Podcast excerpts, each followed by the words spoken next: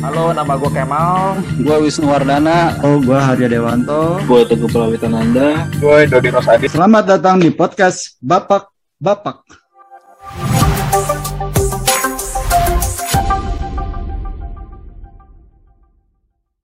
Mas Arta Bangun dulu kan sangat terkenal ketika menjadi penyiar di Radio Prambos. Nah, bisa cerita nggak? Dulu ketika pertama kali siaran di Prambos, grogi nggak sih ketika berhadapan dengan mic di ruang siaran? Uh, saya harus uh, jujur, saya nggak grogi. Karena apa? Dulu di Bandung saya juga penyiar di OS. Hmm. Jadi nggak ter, terlalu ini apa, nggak terlalu uh, grogi lah. Ya. Dan juga kalau anak sekarang siaran pakai operator, hmm. nah kalau hmm. dulu kan self operating hmm. sendiri Benar. semuanya itu juga memang gitu. dari dulu begitu. Jadi kalau ditanya grogi, cuma groginya aja satu orang dari Bandung hmm. pindah ke Jakarta. Uh, plat B dari plat B hmm. ke plat ya. B hmm. itu aja. Hmm. Tapi ya memang gue di dipesenin sama teman-teman di Bandung kalau lu ke sana lu sebagai orang Bandung pertama radio Bandung pertama yang akan ada di Jakarta jadi lu harus jangan tong kalau orang Sunda bilang tong euy katanya maksudnya jangan bikin hmm. malu. Ya hmm. tapi kan segmentasi OS dan Prambos itu kan nggak beda jauh ya ketika itu ya cuman mungkin waktu itu nama Prambos mungkin bisa disebut lebih besar lah dibandingkan OS dan pendengarkan juga fanatik ya kalau muda itu ada tipsnya bagaimana beradaptasi ketika siaran di OS lalu ke Prambos dengan segmentasi yang mungkin nggak terlalu beda jauh? Sebetulnya, Dot, saya mesti koreksi. Sebetulnya OS dengan Prambos eh, segmennya sama sebetulnya. Segmennya sama. Jadi kalau misalnya katakanlah kelompok Borju di Jakartanya Prambors, ya kalau ke Bandung ya dia OS, gitu loh. Cuma bedanya eh, pakai EI, satu enggak gitu. Bandung hmm. euy. itu khas ya. Pada saat gue mulai di Jakarta memang ya mereka menerima karena memang gue produk walaupun gue produk orang Batakaro tapi lahir di Bandung besar di Bandung. Jadi mereka menerima dialek Sundanya terkadang keluar gitu loh. Dan itulah uh, menurut gue itulah hebatnya Prambors. Menerima itu hmm. menjadi sebuah warna yang kebetulan memang harus diakui. Bandung sama Jakarta kan memang anak Ban anak Jakarta main ke Bandung. Jadi konsekuensi kota ini deket, jadi nggak terlalu orang Jakarta terbiasa juga dengar dialek Sunda dan orang Bandung juga terbiasa dengar gua mah hmm. terbiasa juga dengar yang seperti itu. Jadi nggak terlalu masalah Oke. Kalau untuk apa uh, ketika pertama kali siaran di Prambos itu biasanya ada persiapan khusus nggak sih? Karena kan mungkin kalau apa yang dilakukan di OS mungkin beda dengan yang dilakukan di Prambos seperti itu. Iya, ya memang eh, prinsipnya sama, cuma di di Prambors itu ya karena mungkin ya maka itu anak-anak dulu bilang saya dulu zamannya sis sih. Jadi mereka bilang wah ini utusan daerah nih gitu. Jadi walau bagaimana kan anak Jakarta lebih harus lebih hebat daripada anak dari kota lain. Cuma ya kebetulan Bandung wah ini utusan daerah.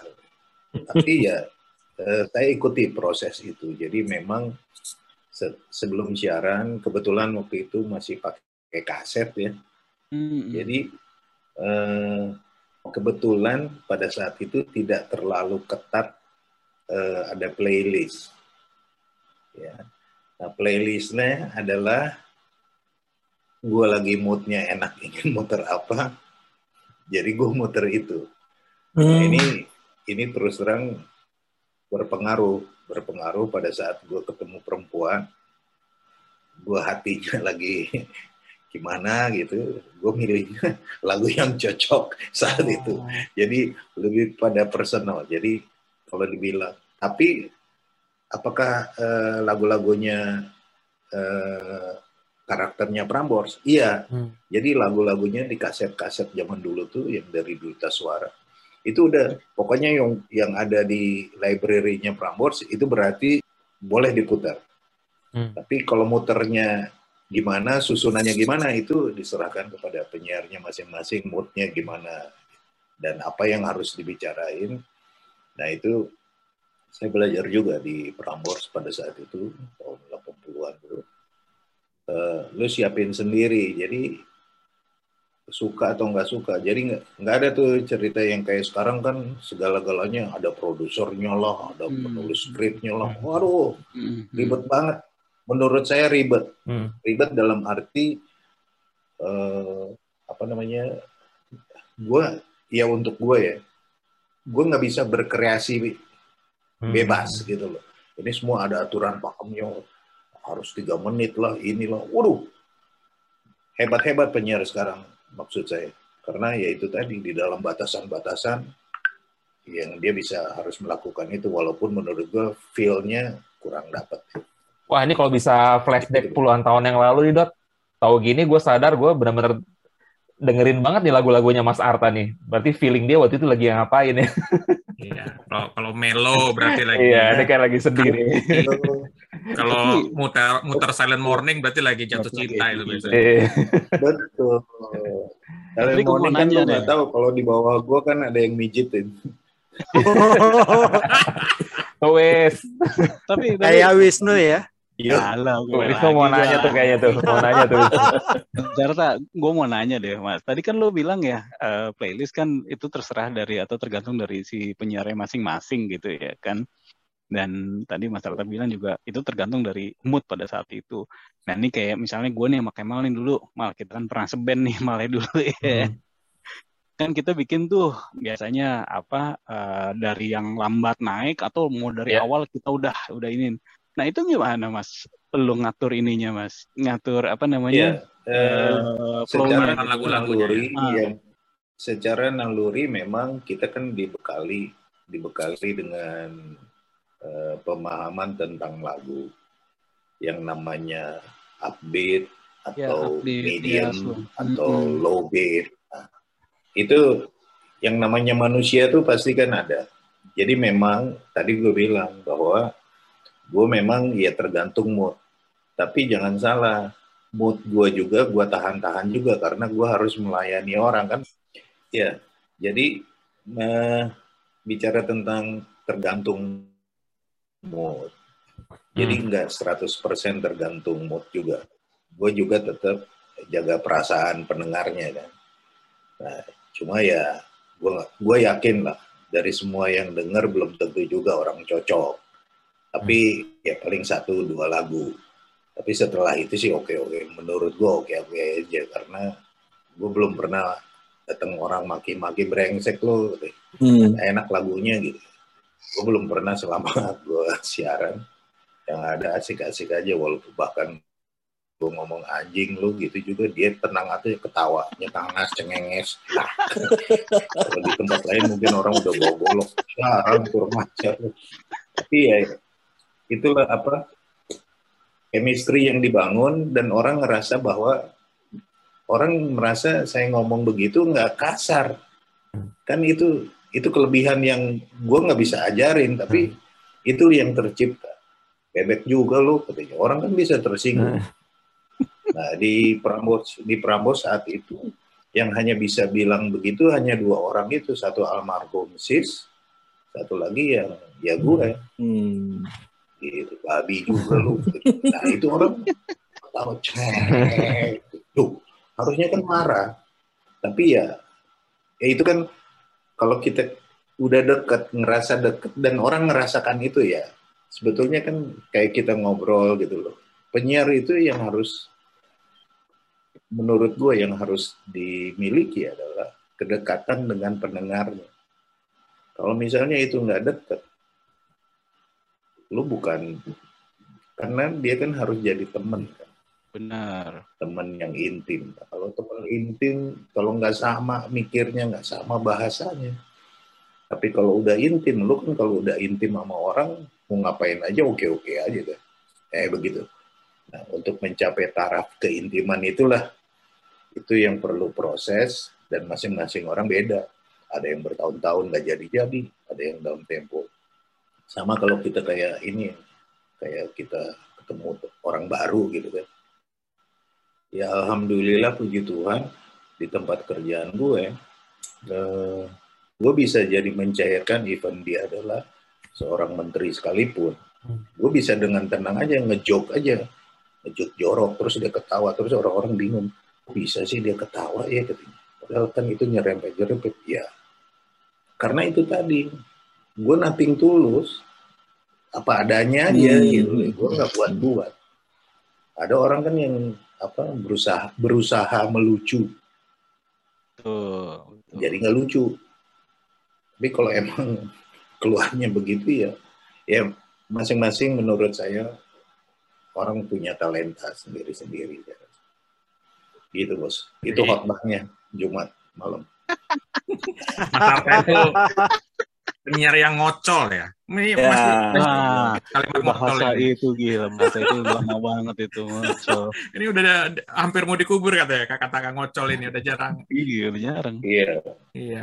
Kita kan seneng ya, apa maksudnya kalau lagi di mobil dengerin radio terus penyiar yang ngocol kayak gitu. Jadi kita merasa itu benar merasa lebih intim, merasa kenal banget gitu loh sama penyiar. Padahal ya nggak kenal, cuman denger suara aja. Tapi Dot, ini kita diskusi aja ngobrol ya. Tapi ya. gue mungkin gue mungkin nggak sepaham malah sekarang sama lo. Karena terus terang kalau lo tanya ke, nah sekarang gini contoh, seumur seumur gue nih, teman-teman eh, ya adalah pendengar-pendengar gitu. Gue nggak, misalnya nih, gue nggak gue nggak demenin dengerin Prambors gitu. Loh, kenapa? nggak ngerti penyiarnya gitu. Nah, terus saya bilang, saya bilang gini, yang salah bukan Prambors, yang salah lu udah ketuaan. Karena bahasanya udah udah nggak ketemu. Iya. Iya kan? Gitu. Mungkin kita dulu memang ya saat itu kita bahasa kita. Sekarang lu coba dengerin anak-anak lu deh ngomong. Terkadang kita bingung. Iya. Jayus lu pak. Gitu dia bilang sama gue. jadi, jadi gue gue banyak teman-teman bilang wah sekarang tempat lu dulu nggak kayak ya, zaman lu dulu. Terus gue bilang yang salah bukan stationnya. Lu nya ngapain juga lu dengerin? Kalau udah nggak sanggup. Udah bergeser lah pindah ke radio yang segmennya udah beda mati-matian dengerin Prambors iya. kadang kan kita kan suka apa nggak sadar kalau kita tuh udah berumur. Yeah. iya. I'm too sexy katanya, too sexy katanya. Keluar lagi tuh lagu. Tapi Mas Arta, dulu kan segmen Prambos berubah nggak sampai dulu tuh dari umur berapa sampai umur berapa sih? Jadi gini, hmm. waktu di 80-an itu kan masih belum terlalu banyak radio. Hmm.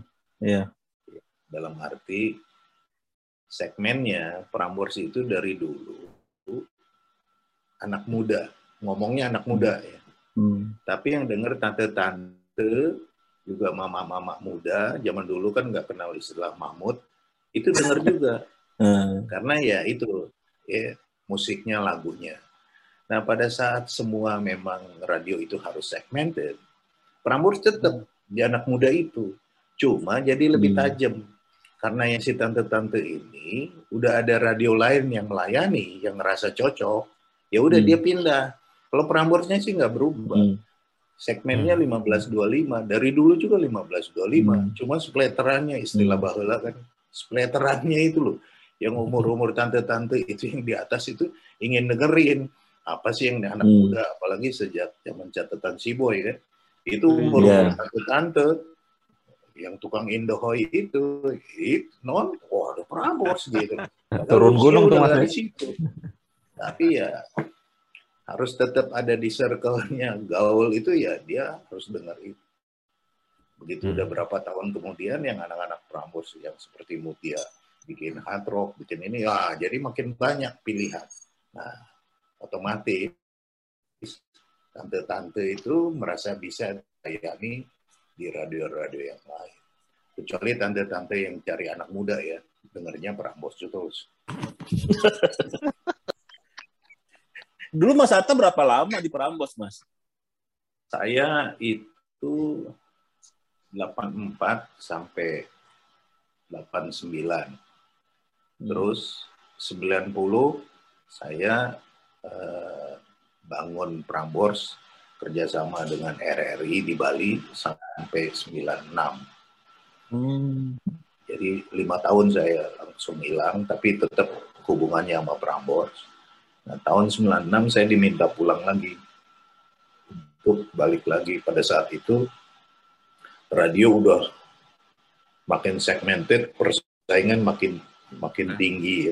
Hard rock juga udah mulai nyusul, udah menjadi kompet- kompetitornya, kompetitornya Prambors sendiri. Jadi Mutia membangun radio itu begitu bagus sehingga Prambors harus berpikir ulang untuk mengatur strategi seperti itu. Nah, saya diminta sebagai orang utusan daerah diminta pulang.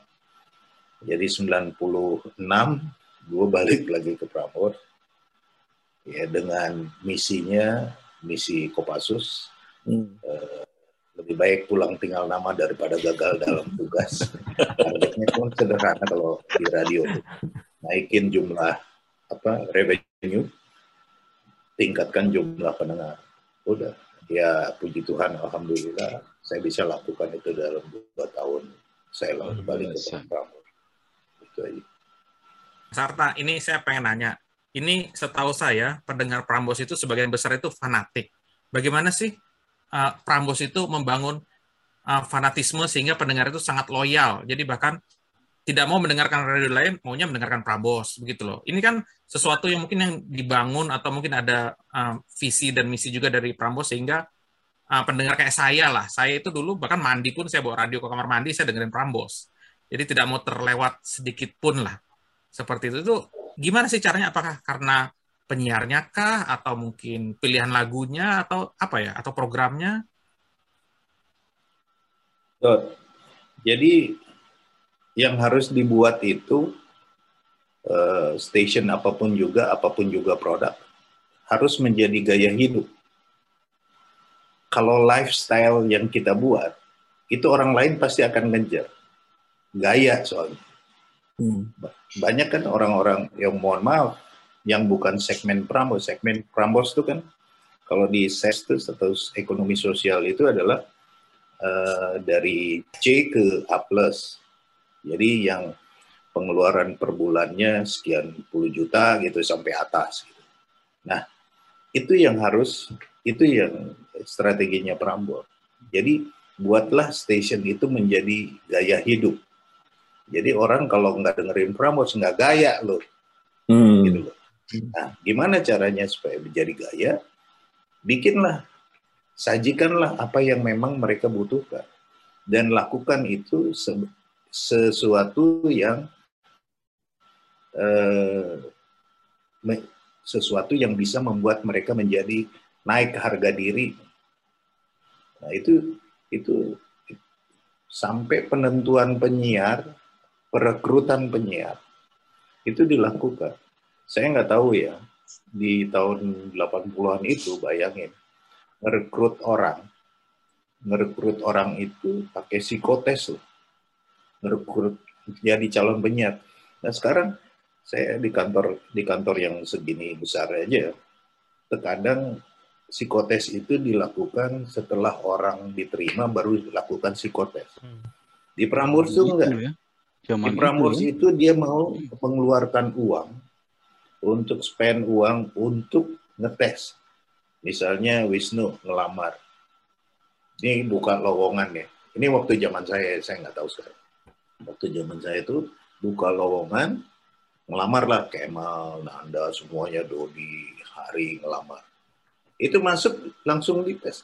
Dan tes dan tesnya psikotesnya itu dilakukan oleh seorang profesional yang dulu almarhum eh, eh, Profesor Sarlito Wirawan yang kebetulan dia punya program di Prambors.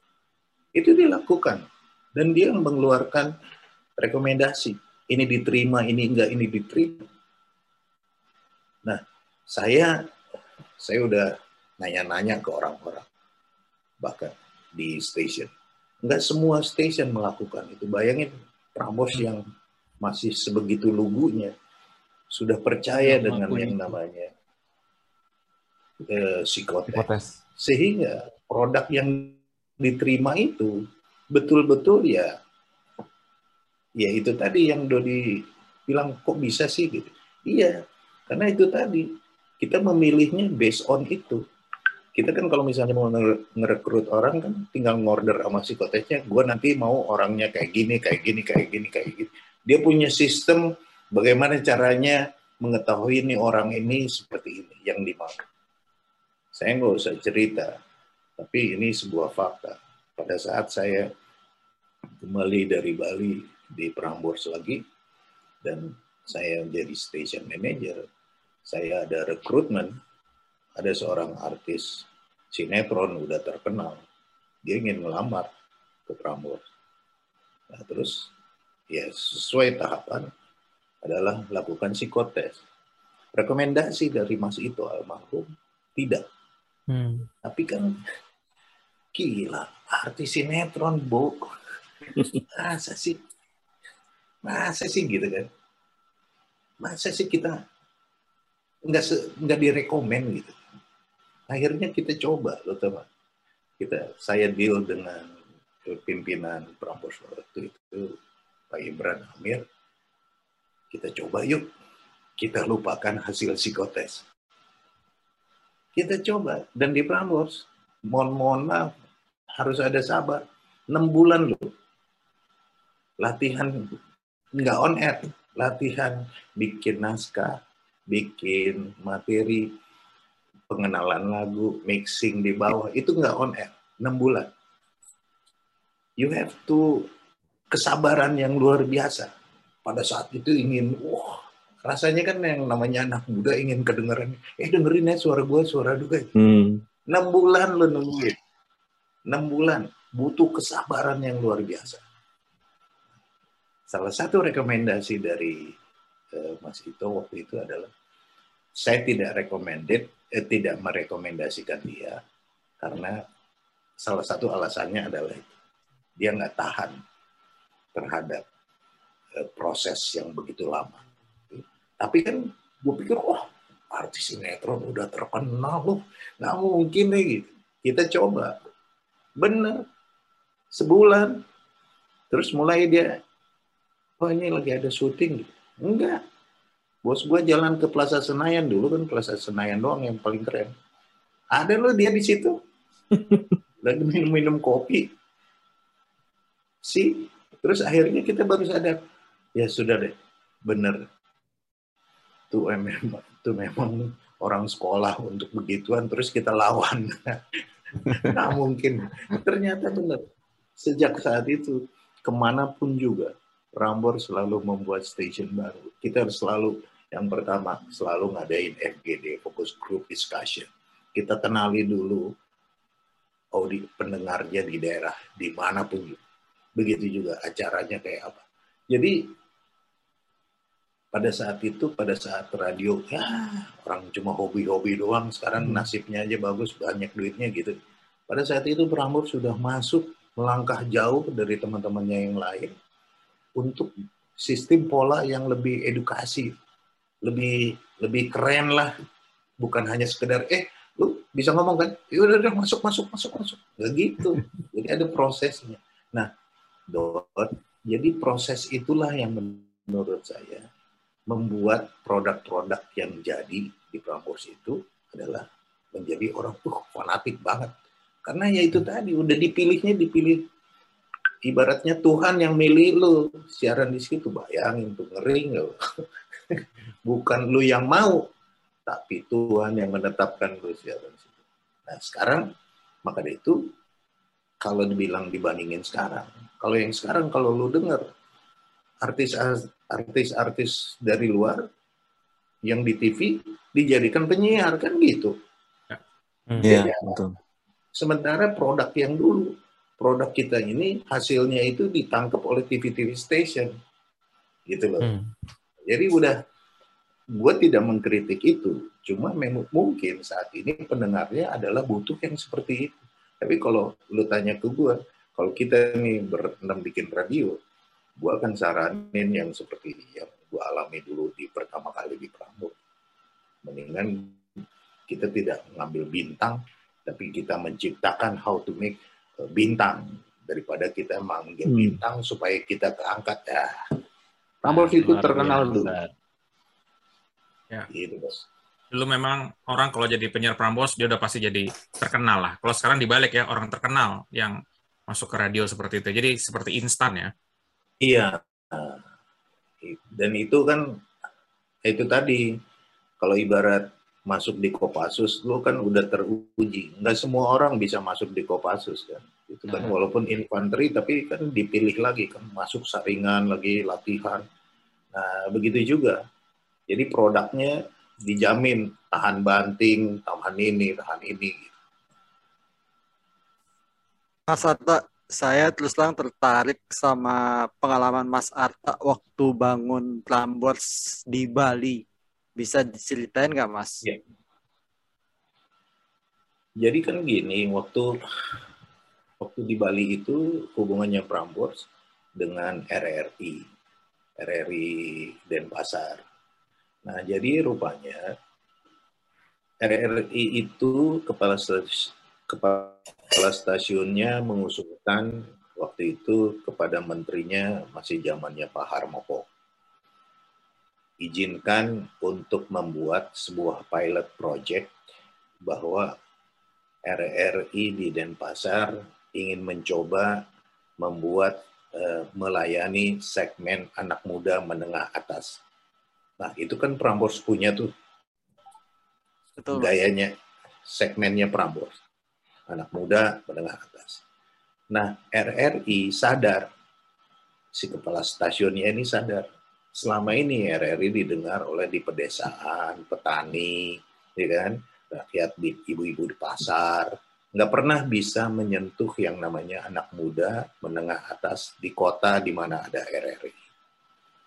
Nah, mereka memutus mengajukan itu kepada saat itu menterinya Pak Harmoko. Pak Harmoko pada saat itu menyetujui boleh sebagai pilot percobaan, pilot project, eh, dibuatlah RRI Denpasar boleh melakukan itu. Nah, siapa radio anak muda, ya kan, gitu. Ada tuh di Jakarta yang eh, reputasinya udah ternama, yaitu Prambors. Maka dari itu Prambors bersama ada sebuah perusahaan namanya Aryo Bimo menjadi bikin sebuah konsorsium yang di- diberikan oleh RRI kerjasama dengan RRI. RRI itu menyiapkan eh, hardware-nya, studio, semua peralatan RRI, kontennya itu dibuat oleh Prambors. Nah, saya sebagai orang yang memang ditugaskan oleh Prambors untuk membangun itu, membangun infra, eh, bukan infrastrukturnya ya, persiapan untuk merekrut penyiar yang anak muda itu, program siarannya, sementara harus ikut siaran. Untuk membentuk itu. Karena orang kan dengar RRI pada saat zaman kita dulu, itu kan kalau jam setiap berita kan selalu harus wajib relay RRI. Hmm. Sampai enak-enak deh, tapi lu nggak bisa kabur mau. Pokoknya lu harus putar jam 9, jam 10 sampai pusing. Lebih banyakkan berita dia daripada eh, lagu-lagu yang kita putar. Nah, saat itulah saya coba bersama teman-teman kita bangun itu. Dan alhamdulillah puji Tuhan ya eh, mendapatkan respons yang baik pada saat kita uji coba. Namanya itu Hot FM Bali namanya. Nah, Hot FM Bali itu saat kita pakai nama Hot FM, bayangkan nama RRI, tapi pakai, uh, nama radionya Hot FM Bali, uh, oh, barat nih. Ya, kita berdebat juga, bagaimana kita bisa apa gaya di anak muda kalau ngomongnya, oh ini kami dari RRI gitu. Mohon maaf sekali, tapi emang saat itu seperti itu gitu. RRI itu kan jadi apa gitu loh. Aduh dari mana dari RRI? Kesannya gimana gitu. Nah kita coba itu dalam tempo setahun mulai meningkat. Yang tadinya RRI jarang ada orang yang datang di Hayam Buruk di Denpasar sana, halamannya luas. Nah, kita bikin program. Nah, Prambors itu kan ahlinya itu untuk mendekatkan diri penyiar dengan audiensnya, kita selalu bikin yang namanya kegiatan-kegiatan off air. Kalau dulu di zaman di Prambors ya inget kan ada Prambors nonton nonton bareng atau apalah lupa. Ada tenda mangkal juga kalau nggak salah tuh.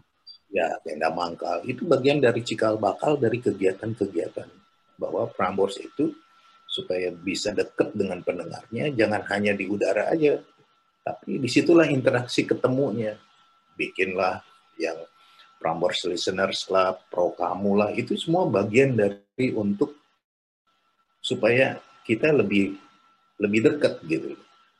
Kan susah ketemu kalau misalnya nggak ada aktivitas itu. Dan kebetulan aktivitasnya sesuai dengan seperti apa yang diminati oleh pendengarnya. Nah, itulah naik daun lah Hot FM Bali itu sampai akhirnya kami kami keluar dari sana. Itulah kalau misalnya teman-teman tahu, RRI Pro 2 itu, itulah sebetulnya cikal bakal dari Pro 2 itu harusnya dikelolanya dikelola oleh swasta. Itulah cikal hmm. bakal dari pilot project dari Kota FM Bali kerjasama Prambors dengan RRI itu.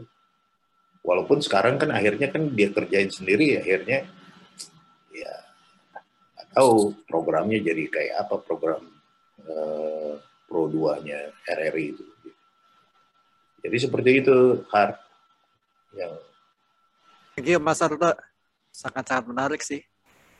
Kerja sama-sama uh, institusi pemerintah dan bisa merebut hati uh, kaula muda di Bali suatu prestasi, Mas.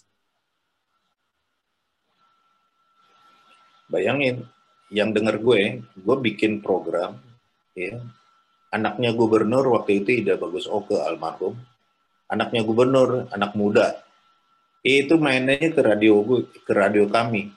Hmm. Nah, bayangin anak gubernur, sementara RRI aja manggil gubernur susah. Dan kita bikin program namanya Gubernur Menjawab sebulan sekali. Itu pendengar. Jadi wow. sistem orang mengeluh itu masyarakat mengeluh itu dia nelfon ngirim surat. Waktu itu masih ngirim nulis ngirim surat ya belum ada WA belum ada. Itu kita setiap bulan. Dan itu menaikkan gengsinya RRI hmm. ujung-ujungnya kalau iya di pemerintahan lo tahu dong pada saat RRI minta bantuan ke gubernur pemerintah daerah oh ya ya ya ini kan yang ada gubernur menjawab kuy yang dapat dia. Gue cuma dapat salam doang Makan kalau urusan sama pemerintah kan pulangnya kan nanda tangan dapat amplop. padahal gue padahal gue nggak perlu padahal gue nggak perlu. Gue bilang gini gue kan pasti dianterin sama teman-teman di RR sana kan. Bang Arta itu di tanda tangan. Lu buat apa tanda tangan? Tanda tangan absen gitu oh ya absen. Oke okay, ya terus pas pulangnya dikasih amplop amplop coklat. Lo buat apa ini? Enggak ini buat ini Terus gue bilang, nggak usah, ngapain. Terus teman-teman gue yang RRI, terima aja bang, terima. Oji go. Lumayan. Ternyata budaya di pemerintahan tuh begitu. Jadi akhirnya tahu juga, oh, maka itu gue sekarang kalau rapat-rapat sama teman-teman yang swasta, ayo isi absen tapi nggak ada amplop. Menarik ini ceritanya Mas Arta ya bisa membangun uh, radio Hot FM di Bali dan menarik kaula muda di sana